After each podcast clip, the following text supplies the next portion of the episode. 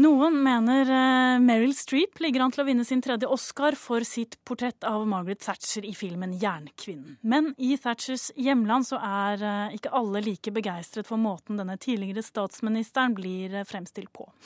Da filmen hadde premiere, så gikk tidligere gruvearbeidere og deres familier til demonstrasjon utenfor kinosalene.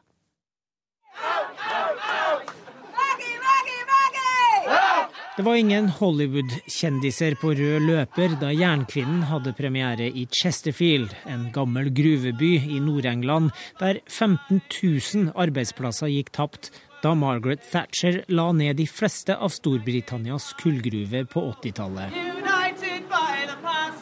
I stedet protesterte tidligere gruvearbeidere, deres familier og fagforeningsfolk utafor kinoen mot det de mener er et feilaktig portrett av den tidligere statsministeren.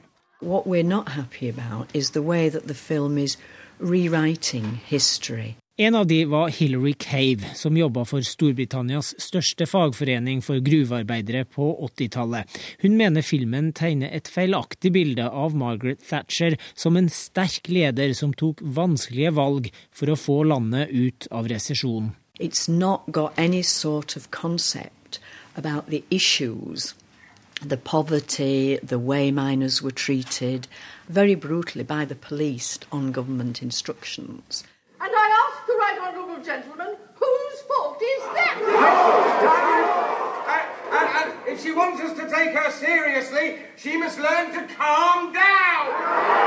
Jernkvinnen portretterer også Thatchers kamp mot et mannsdominert politisk miljø, der kvinner ble latterliggjort i parlamentet og sjelden nådde høyere politiske verv. Men Thatcher var langt fra noen feminist, mener Hilary Cave.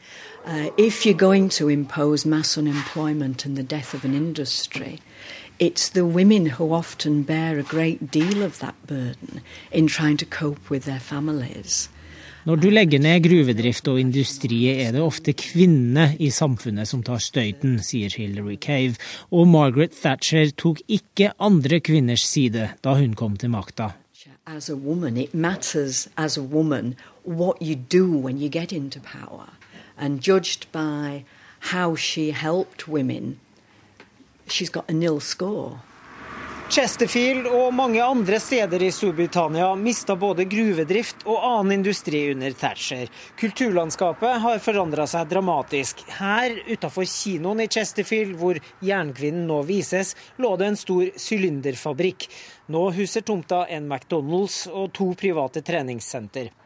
unfortunately, uh, the winners write history, and Hollywood now writes history.